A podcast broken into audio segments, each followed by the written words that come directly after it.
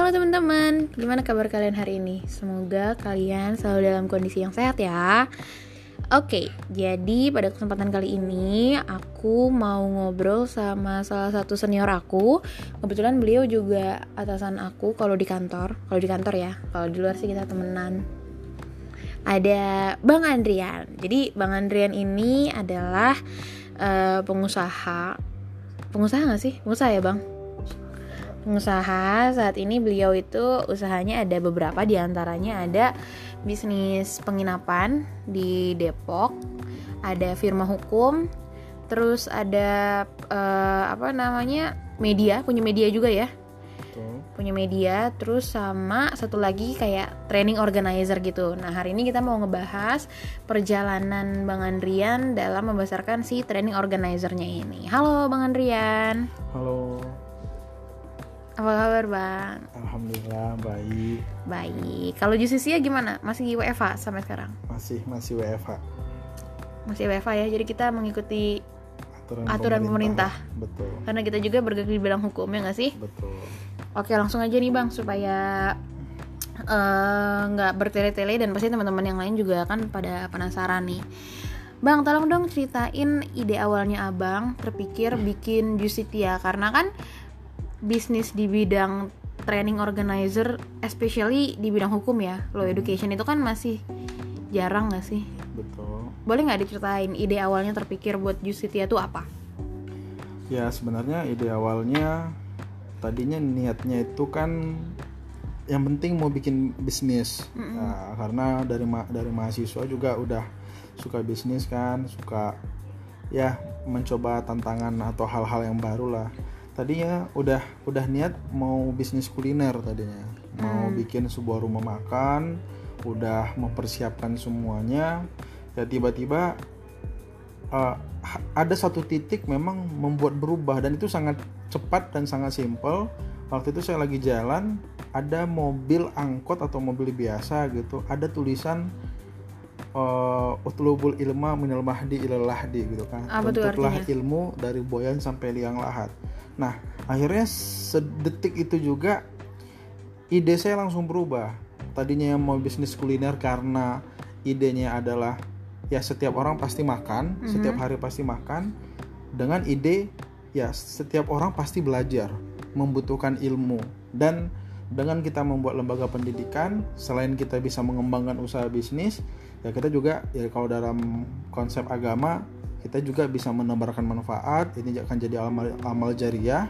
Dan yang terpenting adalah dengan saya membangun bisnis uh, di bidang pendidikan dan pelatihan ini bisa menjadi kesempatan untuk membuka kesempatan untuk pendidikan dan pelatihan yang seluas-luasnya bagi mereka yang memang butuh pendidikan terutama di bidang hukum milih bidang hukumnya itu karena Bang Andri backgroundnya hukum Betul, karena selain karena memang saya bidang hukum, background saya hukum, uh, saya juga punya pengalaman-pengalaman dulu mengisi, memberikan uh, materi-materi untuk pelatihan-pelatihan untuk mahasiswa yang terkait hukum. Jaringan saya juga lingkupnya ke sana dan yang yang paling penting adalah setiap sisi kita ini di negara hukum.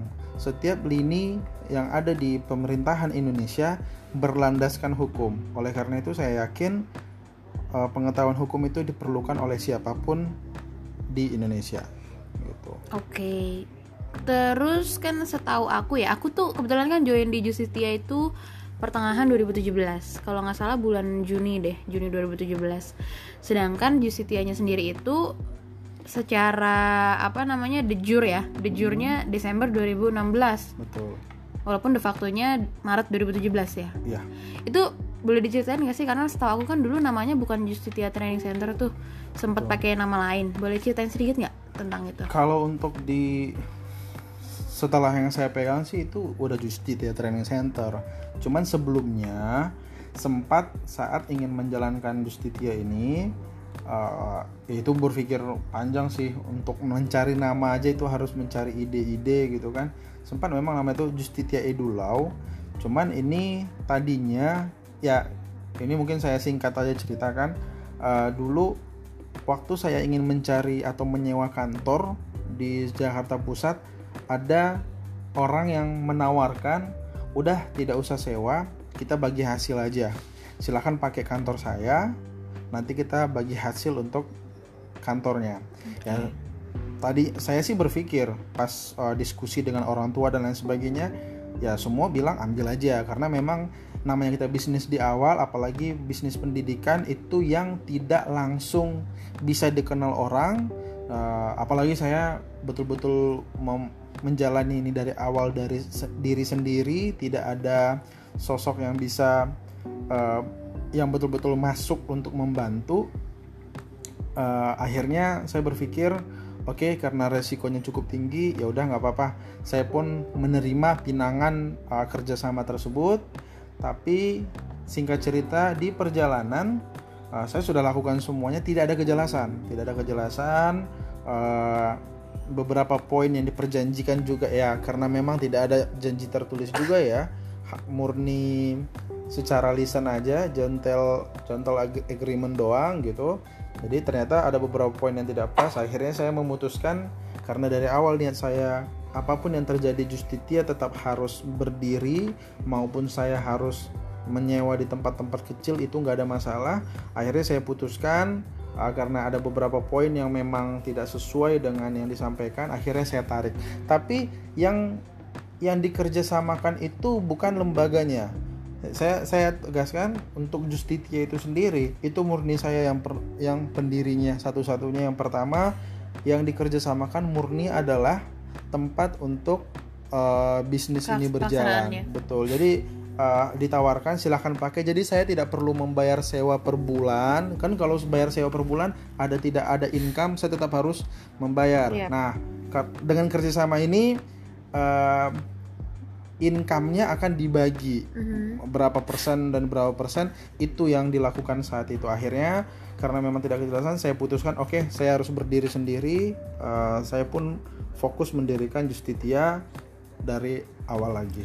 Oke okay, jadi karena si apa uh, calon partner lah kita bilang yeah. ya. Si calon partnernya ini nggak jelas gitu terus uh, akhirnya bang Andri yang cabut duluan gitu. Betul. Cabut terus kok bisa dapet kantor di ring satu gitu kan? Karena kan sekarang kantor Justisia Training Center ini posisinya ada di Jalan Majapahit ya. Hmm. itu langsung seberang seberangan banget sama kantornya Pak Presiden Joko Widodo. Itu boleh ceritain nggak? Kenapa milih kantor di situ? Kenapa bisa? Terus kan baru mulai bisnis ya bang. Kok nekat banget ngambil kantor yang di ruang lingkup yang mahal itu itu mahal lah. Segitu menurut aku itu tuh mahal. Boleh ceritain nggak gimana tuh? Ya memang agak unik sih. Uh, kalau saya sih sebenarnya kalau orang bertanya banyak hal-hal yang memang mungkin tidak masuk uh, di akal orang banyak.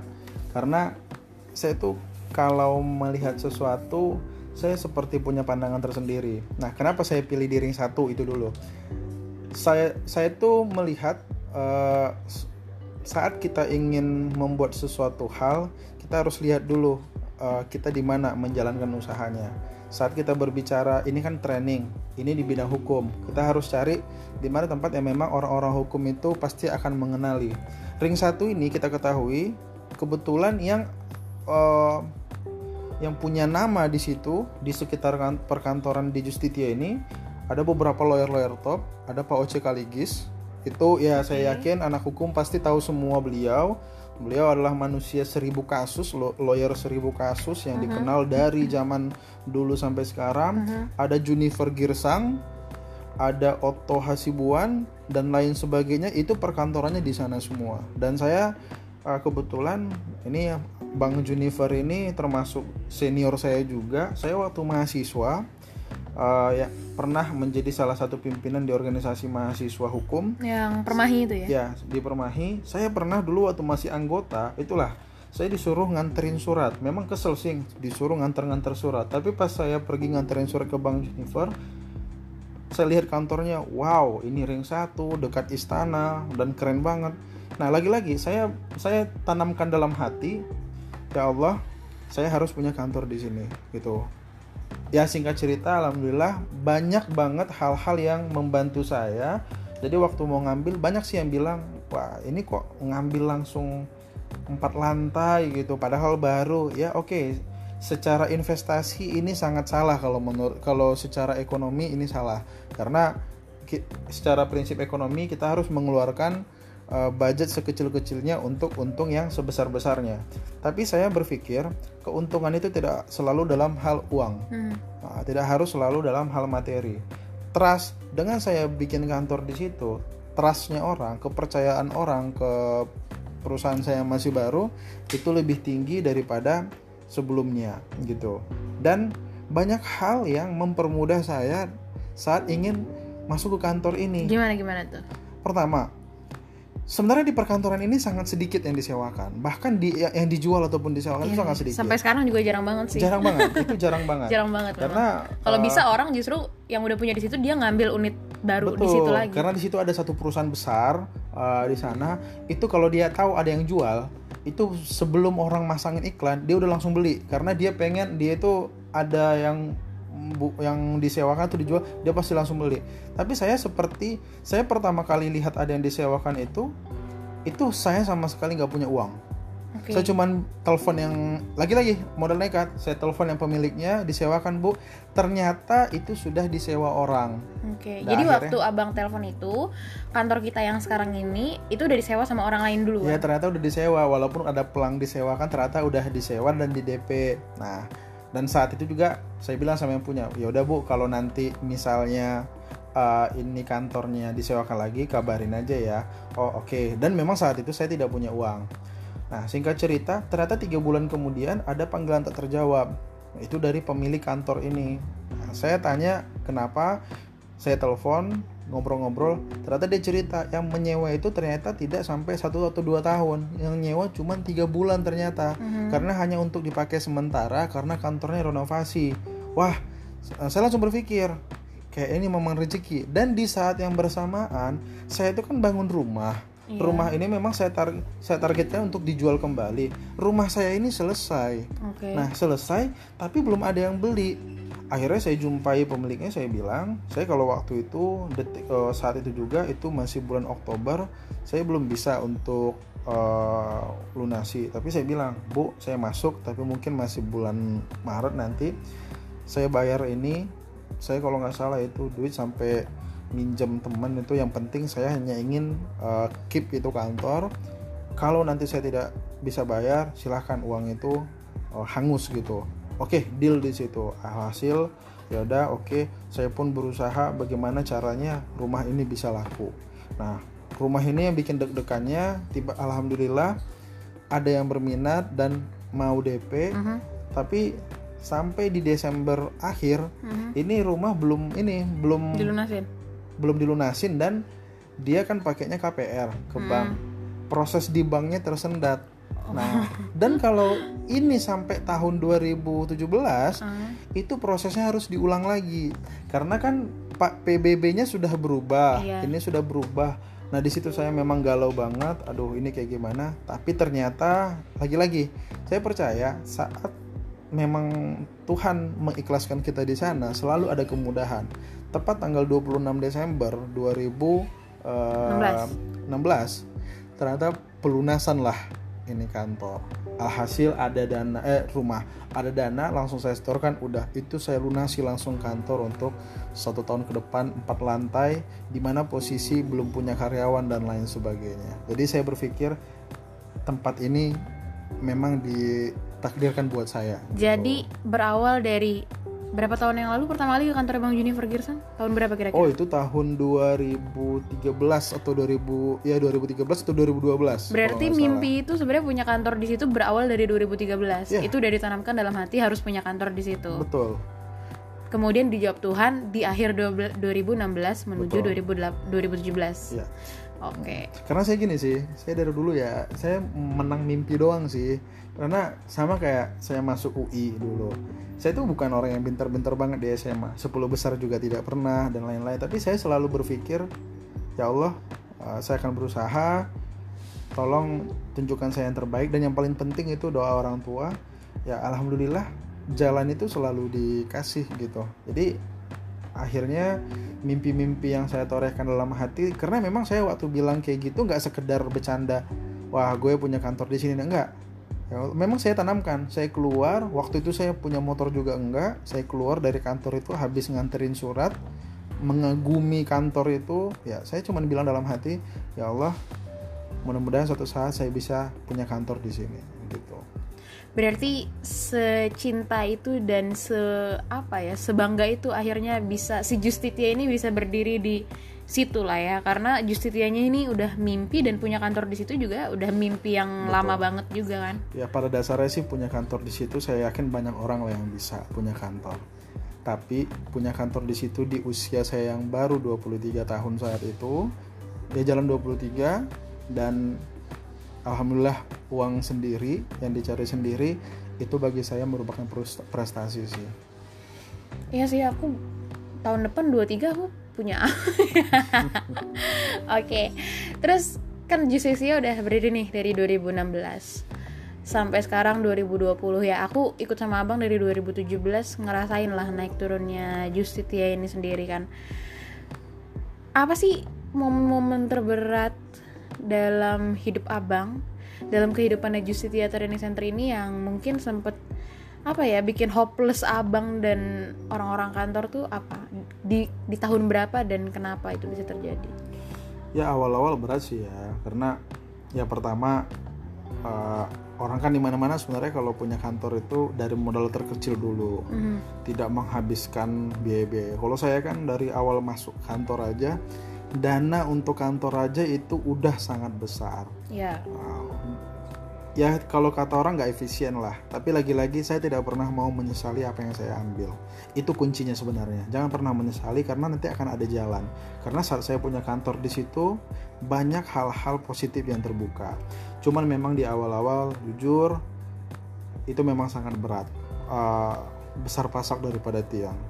Ya saya ya titik-titik terberat karena memang baru-baru ya pesaing juga kompetitor juga pasti banyak dan uh, kita juga belum menguasai pasar saat itu ya bahkan saya dulu untuk gaji karyawan aja itu itu sempat, 2017 ya? ya itu sempat tidak bisa terbayar.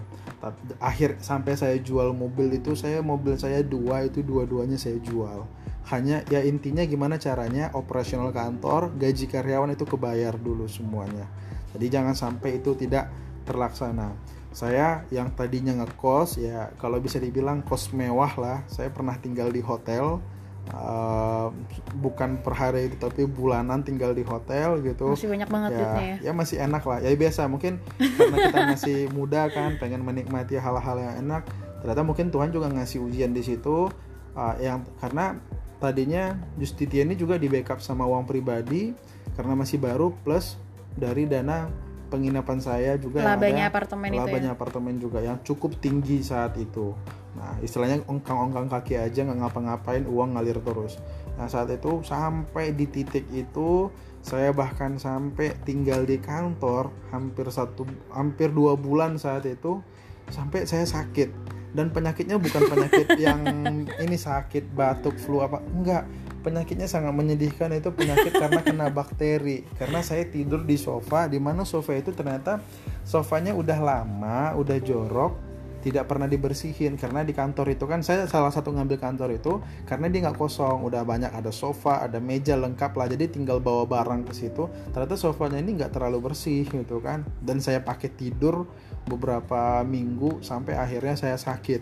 Itu udah titik yang sangat ya yang sampai saya udah bilang juga ke teman-teman kantor ya kalian persiapkan aja CV lamaran-lamaran ke kantor lain biar karena kita nggak tahu nasibnya Justitia seperti apa. Jadi kalaupun nanti uh, Justitia ini bisa dibilang selesai lah kalian sudah ada pegangan. Saya udah sampai berarti itulah momen terberatnya Justisia sampai abang sebenarnya udah mau nyerah ya? Iya udah mau nyerah. Udah janji ke orang tua juga karena kan uh, udah ngomong ke orang tua. Karena orang tua sebenarnya dari awal saya lulus itu lulus S1 lulus S2 memang minta oh, udahlah kerja aja cari kerja tetap hmm. gitu kan hmm. orang tua ya uh, udah itu dibilang orang tua ya tapi saya yakin ke mereka percaya sama saya saya bisa ngelewatin ini tapi memang karena sempat kemarin berat dan biar orang tua juga tenang saya bilang kalau dalam satu tahun ini ternyata dia tidak bisa bersaing yaudah saya janji saya akan uh, tutup dan saya akan ngelamar kerja ya yang jelas masih bisa men untuk menjalani hidup.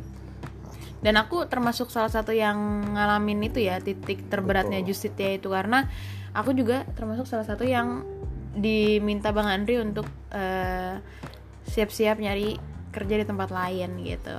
Bahkan ini aku sharing sedikit ya nggak apa-apa ya bang. Di masa-masa bang Andri tinggal di kantor itu bang Andri kan sakit ya. Itu menyedihkan banget sih menurut aku. Karena bang Andri tuh sampai nggak berani ke dokter saking nggak ada uangnya ya nggak sih? Betul. Betul. Ya itulah udah sampai tahap ke sana. Tapi untungnya saya punya tim yang yang menurut saya bukan sekedar tim di kantor tapi memang keluarga yang sangat memperhatikan. Bahkan kalau mereka tahu saya nggak sarapan dibeliin sarapannya gitu kan. Jadi betul-betul kita kekeluargaan lah di sana. Sehingga saya juga berpikir oh ya udah uh, ini keluarga saya semua. Saya mohon doa dari mereka agar Justitia jangan sampai lah. Cita-cita saya dari awal itu pengen Justitia menjadi pondasi pendidikan hukum di Indonesia. Jadi harapan saya itu tetap berdiri kokoh sampai kapan pun. Oke. Okay. terus Justitia 2017 sempat anjlok. Hmm. bener-bener kita sampai sedih banget ya. Waktu itu abang sampai ada cut karyawan juga ya Betul. sampai kita cuma bertiga doang di kantor setahun aku Betul. abang dan mas Handoko nah cuman kan 2017 tuh udah mulai apa ya menunjukkan hasilnya lah mulai menunjukkan hasil 2018 dan 2019 tuh kita melejit naik banget di 2018 itu sampai abang berani banget ngambil Sarinah hmm. itu apa yang bikin Justisia sampai semelejit itu dan kenapa abang berani banget sih ngambil Sarinah? Padahal sebenarnya waktu itu kita belum settle settle banget juga. Betul. Ya lagi-lagi itu tadi kenekatan dan kegilaan saya itu tadi ya ternyata setelah lama berjalan mulailah relasi itu nah inti dari bisnis itu ya relasi. Relasi itu mulai terbuka mulai kenal berbagai rekanan mulai ini dan Prof. Hik juga saat itu selalu pembina kita betul-betul sudah mulai masuk memberikan masukan-masukan eh, hal-hal yang perlu kita kerjakan. Bahkan itu 2018 yang pertama ekskursi kan? Atau 2019 ya? 2018 2018 nah sampai kita itulah pertama kali itu pertama prof kalinya ini. prof kita bikin satu agenda yang itu kita pertama dan masih satu-satunya di Indonesia kita langsung buat International Excursion Program. Nah kita ingin membuat hal yang berbeda dari pelatihan-pelatihan yang lain kita akhirnya pergi langsung belajar ke arbitrase internasional di Singapura dan kita ke uh, Raja Hentan sampai pada akhirnya kita juga kerjasama dengan AIIC. Kita pun diundang oleh mereka di forum-forum internasional yang mereka menjadi tamu juga di sana. Akhirnya mulai semangat itu mulai muncul. Nah, hmm. dan ada beberapa saat itu juga ada perbankan minta kita in house, kita terpilih padahal saat itu kita melawan lembaga-lembaga uh, lain yang sejenis yang bisa dibilang sudah raksasa di Indonesia. Ya, udah 20 tahun ya. Betul. Mereka. Nah, kita udah ini akhirnya semangat itu muncul lagi. Yang tadinya sudah down tapi saat mendengar kabar itu ya seolah-olah saya cuma berpikir satu hal. Pas saya down Tuhan Tuhan mungkin bilang, "Oke, okay, jangan sampai Justitia ini down juga." Oke, okay, akhirnya diberikan rezeki-rezeki seperti itu sampai akhirnya banyak pelatih-pelatih banyak yang mulai mengenal kita dan kita pun banyak uh, menghandle beberapa pelatihan dan dipercaya oleh kementerian uh, baik itu pemerintah dan swasta gitu. Kalau yang Serinah itu gimana? Karena ini agak menarik ya teman-teman. Bang Andri, aku nggak tahu kenapa itu bisa terjadi sama Bang Andri, tapi memang karena aku udah ngikutin Bang Andri tiga tahun belakangan, dia tuh kayak punya magic gitu loh. Ketika dia Bang Andri nih bilang Bang Andri mau itu, Tuhan tuh kayak kasih jalan ada aja jalannya. Termasuk si Sarina ini aku inget banget pertengahan 2018 Bang Andri tuh kekeh banget mau ngambil kantor di Sarina. Karena ada salah satu sosok hukum yang berkantor di sana profesor yang udah terkenal banget lah. Orang hukum pasti tahu lah kalau ke Sarina profesor siapa yang terkenal banget ada di situ berkantor. Bang Andri tuh pengen banget punya kantor di situ lagi-lagi karena mengagumi si profesor ini dan kekeh banget gitu. Dari pertengahan tahun kita lihat-lihat kantor di Sarinah dan baru tercapai di hampir akhir tahun 2018 Oktober ya kalau nggak salah. Oktober 2018 hmm. karena gini memang itu lagi-lagi beda konsepsi kalau orang kan ada memang ada duit dulu udah ini dia cari baru jalan. Kalau saya seolah-olah kalau kayak gitu kayak uh, waktu itu kayak terbuang gitu kan. Jadi pas kepikiran memang saat itu semacam ada ide ayo coba ke sana memang disuruh padahal ini kantor di ring satu masih ada loh memang orang melihatnya seolah-olah dan saya masih bayar terus ya iya, orang seolah-olah lihatnya ini kayak serakah atau gimana kan tapi lagi-lagi saya punya pandangan tersendiri Oke, saat di awal ini kita harus bangun trustnya orang ke kita gitu. Ya, trustnya seperti apa ya? Saat kita memang kantornya di sana, dilihatnya ada gitu, ya orang kan akan percaya juga. Dan saya dan saat itu pikirannya gini, kita sering bikin pelatihan itu kan biasanya kita di hotel atau di mana. Agak sayang rasanya kita bikin pelatihan di luar sehingga apa? Klien kita itu setelah selesai ya udah hmm. kita tidak membangun emosional kita dekat dengan klien itu nggak kelihatan gitu tapi saat kita udah punya tempat selesai pelatihan masih ada kita ngobrol-ngobrol curhat-curhat diskusi itu akan membangun rasa kekeluargaan antara kita dengan uh, para peserta akhirnya saya pun ya itu saat itu belum ada sih ini uh, saya tekadkan oke okay. tapi alhamdulillah benar jalannya ada. Alhamdulillah saat itu kita memenangkan salah satu tender dua sekaligus dari, dari kementerian. kementerian dan itu lagi-lagi kita menghadapi uh, pesaing sama, sama. yang ya yang sama, kita temuin sebelumnya yang, juga yang sangat besar juga tapi alhamdulillah kita menang dan yang menang itu bukan cuma satu dari dua ini dua-duanya alhamdulillah kita yang terpilih untuk menghandle acara tersebut nah lagi-lagi saya bilang saya, saya percaya oh berarti memang Tuhan merestui apa yang uh, yang saya niatkan dalam hati. Karena saya dalam hati aja sih saya bilang gitu. Karena saya tahu Tuhan akan mendengar walaupun saya cuman bergumam dalam hati. Karena kan niatnya baik juga. Dan niatnya saat itu kita sudah buat juga yang namanya beasiswa untuk mahasiswa. Saat kita punya tempat sendiri target saya sebenarnya kita bisa membuat pelatihan-pelatihan yang itu gampang dijangkau karena kan kalau pelatihan-pelatihan kita lihatlah angkanya itu sangat tinggi sementara kalau mahasiswa tidak mungkin punya duit sebesar itu untuk mengikuti pelatihan yang hanya sehari atau dua hari tapi nilainya sudah hampir sama dengan biaya kuliah per semester mm-hmm. di mhm. kampus. Nah, jadi kita pengen bikin juga namanya itu Justitia for Student Life itu targetnya bagaimana mereka mendapatkan materi yang tidak tidak jauh berbeda dengan uh, apa namanya dengan yang sebelumnya tapi tetap uh, biayanya bahkan beberapa kali itu ada yang free dan pun berbayar itu hanya sebatas untuk cetak sertifikat dan konsumsi ataupun snack. Seperti itu. Jadi niat kita memang awalnya gimana caranya Justitia ini bisa bermanfaat buat orang banyak aja sih gitu dan Sarinah tuh juga salah satu magicnya Bang Andri sih menurut aku. Karena dari sekian banyak ruangan office space yang ada di Sarinah itu kan banyak banget dan lakunya tuh cepet banget di Sarina. Jujur aja kita tuh dari pertengahan 2018 itu udah beberapa kali lihat ke Sarina dan lakunya cepet banget. Cuma memang kantor yang Bang Andri idam-idamkan ini si 11 11 Sarina ini lantai 11 nomor 11 titik 11 itu tuh memang Bang Andri sudah pengen banget nempatin kantor itu. Dan bener aja memang kantor itu nggak laku-laku juga ya nggak sih? Betul. memang kayaknya Tuhan bilang itu rezekinya Bang Andri. Sampai akhirnya Oktober 2018 dapat deh kita Betul. kantor yang itu. kita bisa bayar kantor itu. Ya bahkan orang Sarinah aja nggak tahu oh angka itu loh. Yang sadar mereka nggak ngeh ya? mereka nggak ngeh. Karena itu kan alamatnya Jalan MH Tamrin nomor 11 lantai 11, nomor 11, unit 11, titik 11. Berarti ada 11 angka. Ada 8. Uh, uh, ada 8 angka 1 atau ada 4 angka 11. Jadi itu ya ini percaya nggak percaya sih, cuman saya cuma berpikir in, saya selalu berpikir ada pertanda yang diberikan Tuhan. Oke, okay, ini rezeki buat saya. Makanya akhirnya uh, saya ambil dan tempatnya juga enak, oke okay, gitu kan. Akhirnya dan benar, udah lama sebenarnya itu di, dilihat udah lama nggak ada kabar ya pas balik lagi saya lagi-lagi bilang ya Allah kalau memang ini jodoh saya kantor ini tolong itu di take buat saya. Ternyata setelah beberapa bulan lihat ke sana lagi ya memang belum ada yang ambil. Yang lain udah pada diambil orang semua itu belum ada yang ambil ya berarti langsung saya langsung ambil kantor ya. Nah tadi kan kalau kata bang Andri Profik ini cukup punya andil yang besar juga dalam naiknya Profik Mahanto ya Hikmahanto Juana itu cukup punya andil besar dalam uh, perjalanan hidupnya Jusitia ya. Memang di mata Bang Adi tuh Profik memang sebegitu memberikan impact terhadap Justitia kah?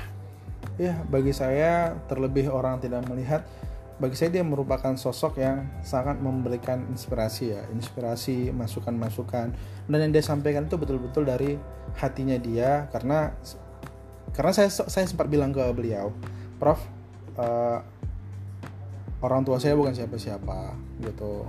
Saya juga di sini anak rantau tapi saya pengen menjadi uh, orang yang bermanfaat di sini.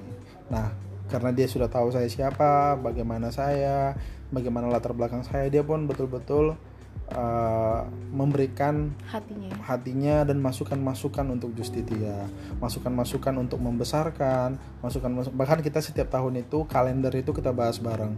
Kita, akhir tahun kita bahas bareng kita targetin ke mana pokoknya dia memberikan banyak hal lah untuk uh, Justitia bisa lebih baik lagi. Kalau ada yang salah dia ber, dia benarkan dia tegur dia berikan oh koreksi-koreksi yang itu untuk membangun di Justitia Training Center. Kalau selain Prof. Hikmanto ada nggak sih yang lain? Ada ada Profesor Profesor Santiago namanya. Beliau juga memberikan masukan-masukan untuk Justitia uh, memang tidak dari awal tapi setelah diperjalan karena kita juga baru dekatnya setelah berjalanan tapi beliau juga banyak memberikan masukan-masukan uh, untuk membesarkan Justitia. Jadi dua profesor ini sebenarnya juga menjadi salah satu kekuatan Bang Andri untuk terus menjalankan Justitia gitu ya. Betul, karena saya saya selalu yakin uh, dengan adanya mereka berdua, ya saya selalu yakin saya didampingi oleh orang-orang yang memang punya niat baik, orang-orang yang memiliki kompetensi dan orang-orang yang ingin membantu Justitia ini untuk lebih besar lagi, gitu. Kalau hubungan personal aku mau bahas sedikit sih. Personal abang ke Prof. Faisal dan Prof. Hik itu seintim apa sih? Maksudnya sedekat gimana sih abang tuh sama Prof. Faisal dan Prof. Hik? Apakah memang terbatas cuman uh, profesional dan bisnis aja atau memang ada hubungan-hubungan kekeluargaan yang lain yang terjalin antara abang dan Prof. Faisal atau Prof. Hikmahanto oh. ya pastinya. Ya kalau disampaikan itu lagi-lagi di Justitia aja kita dengan orang lain aja kita bangun rasa keluargaan apalagi ini uh, prof-prof kita yang dua ini uh, kepada Prof. Faisal, Profik itu kita sudah betul-betul seperti keluarga ya kita dilibatkan juga beberapa kegiatan-kegiatan kita juga uh, apa namanya saat mereka ada acara kayak puasa bersama uh, buka bersama pas lebaran dan lain sebagainya. Kita memang betul-betul menganggap uh, apalagi saya ya terutama saya pribadi juga karena di sini anak rantau tinggal di Jakarta sendiri saya udah menganggap uh, ataupun profik dengan keluarganya juga udah keluarga saya juga gitu. Kan misalnya kita setiap puasa seperti saya bilang tadi kita selalu bukber ada beberapa acara-acara keluarga kita juga masuk yang itu kita menanggalkan uh, sisi profesional kita di sana. Bahkan ini sih agak ini juga waktu sama Profik juga kemarin. Saya makasih banget. Itu ada acara keluarganya beliau. Saya diperkenalkan dengan keluarganya itu dibilang oh ini anak kita juga. Bahkan pas pulang beliau menyemangati dengan bilang kalau kamu kangen sama orang tua kamu anggap aja saya orang tua kamu di sini. Itu akhirnya membuat semangat ini ya namanya lebaran gitu. Saya lebaran waktu itu nggak pulang ya kan sepi gitu kan sedih.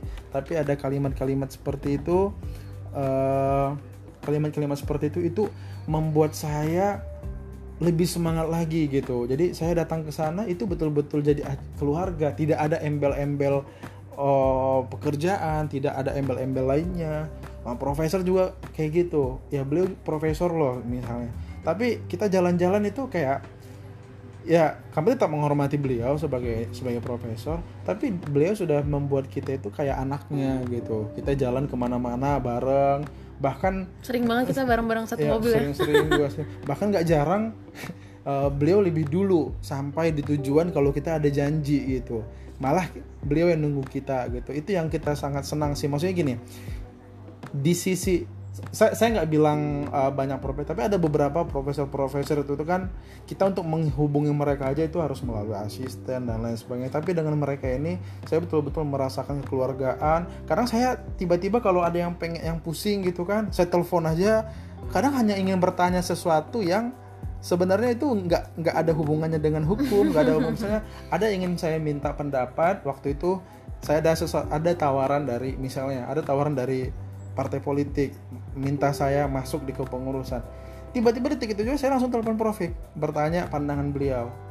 Nah dan beliau tidak berkeberatan tetap memberikan jawaban. Dia ngasih ngasih masukan-masukan yang itu bisa uh, saya terima. Akhirnya itu akan saya jadikan uh, pedoman juga dalam jalannya hidup saya. Gitu. dan lucunya ingat gak sih Profik waktu lagi di Belanda ya kalau nggak salah Iya. terus Prof itu foto di belakang gedung yang gedungnya namanya gedung Justitia ya nggak sih iya kayak pokoknya lucu dan deh. Prof Prof kirim itu sama kita berdua ya Prof Betul. bilang ini gedungnya Andrian nih gitu betul gitu juga Prof Faisal Prof Faisal itu kan hobi banget liburan ya Uh-uh. dan senangnya aku sih kalau sama Prof Faisal walaupun dia liburan jauh dari kita Prof Faisal tetap nggak lupa sama kita ya nggak sih Betul. maksudnya dalam rang Prof ini tetap WA kita tetap betul. ingetin kita banyak hal ya nggak sih? Ya tetap menyemangati lah. Maksudnya gini eh, hubungan emosional itu tidak dibangun searah gitu. Memang dua arah ada hal-hal yang kita bangun bareng-bareng kita support beliau bahkan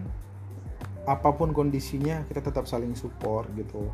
Bahkan eh, kadang ada aja tuh hal-hal yang menurut kita tidak pas dilakukan oleh seorang profesor ternyata kadang di depan kita itu terjadi yaitu berarti kan dengan ini tidak ada rasa sungkan berarti kan kekeluargaan itu sudah terbangun sebenarnya. Tidak ada jaim-jaim dan lain sebagainya kita cerita semuanya. udah nggak ada jaim banget sih kalau sama. Prof Faisal dan Prof Hik. Betul, jadi itu sih yang bikin akhirnya saya juga semangat juga. Oh, ada kok penopang, ada kok pembimbing yang akan membenarkan saya saat saya salah dan eh, mendukung saya saat saya benar gitu. Oke, ini menuju akhir nih Bang Andri.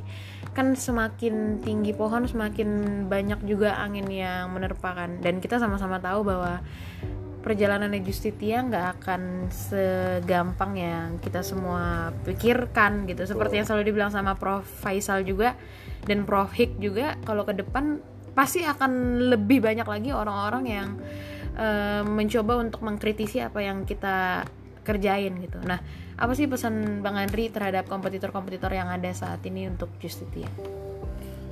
Eh, kalau saya sih kalau kompetitor itu siapa pun ya, ya saya mengucapkan terima kasih karena pada intinya sebenarnya tujuannya sama kok. Ingin mencerdaskan, ingin memberikan pendidikan kepada masyarakat Indonesia di bidang hukum. Ya berarti kalau saya berpikir ya makin banyak orang yang berniat seperti ini ya makin bagus, gitu kan? Ya saya cuma menyampaikan terima kasih karena sudah mau bareng-bareng untuk uh, berkomitmen memberikan pendidikan hukum bagi orang banyak. Nah, kalau di sini Justitia juga memperluas dengan kita membeasiswakan mahasiswa juga di sini agar ada uh, kesinambungan, agar ada terbangun jaringan dari mulai dia mahasiswa, dia lulus fresh graduate, bahkan sampai dia sudah bekerja, ini akan menjadi uh, apa namanya kesinambungan dalam uh, pendidikan hukum. Jadi kalau saya pribadi untuk kompetitor, uh, mari kita sama-sama berkreasi untuk memberikan pendidikan hukum yang lebih baik. Dan kompetitor-kompetitor ada juga kan beberapa yang memang ya tanda kutip uh, tidak semuanya kan dengan jalan yang baik atau seperti apa gitu kan. Ya lagi-lagi saya tetap mengucapkan terima kasih karena kritikan-kritikan atau hal-hal negatif yang disampaikan terkait Justitia itu justru akan menjadi perbaikan karena kita harus berterima kasih ada orang yang ingin yang mengkoreksi kita baik langsung ataupun tidak langsung. Nah, sebenarnya ini sebagai bahan ini juga oh saya bilang oh ya makasih banyak memberikan ini akhirnya kita kita selalu berusaha tiap detik, tiap menit, tiap hari itu memperbaiki kualitas dari Justitia itu sendiri agar lebih baik untuk masa yang akan datang. Oke. Terakhir, kesimpulan yang bisa Abang tarik dari lika-liku perjalanan hidup Abang dan Justitia ini apa? Ya kesimpulannya sih eh, kita menik apa namanya intinya dalam menjalankan sesuatu apa pun itu dalam bisnis dalam pekerjaan intinya nikmatilah proses yang ada nikmati perjalanan yang kita jalani pun ada saatnya kita menyerah jangan takut untuk bangkit. Jangan takut untuk meminta kepada Tuhan. Tuhan itu nggak pelit kok tapi terkadang kita yang terlalu sombong untuk meminta ke dia gitu. Jadi nikmati proses yang ada uh, tetap berjalan dan Justitia sebagai dengan motonya Crystal of Law Education akan tetap uh, memberikan kontribusi yang besar demi terciptanya uh, pendidikan hukum yang berkualitas di Indonesia dan yang paling penting apa pun yang terjadi kritikan atau angin sebesar apa pun angin yang menerpa Justitia akan tetap kokoh berdiri sebagai pendi uh, lembaga pendidikan dan pelatihan hukum yang profesional. Oke, makasih banyak ya Bang Andri buat waktunya sharing-sharing. Semoga sukses terus dan Justitia makin maju. Baik. Makasih ya banyak. Bang Andri. Terima kasih juga teman-teman yang udah dengerin podcast hari ini. Semoga ini bisa bermanfaat buat teman-teman semuanya. Sampai ketemu lagi.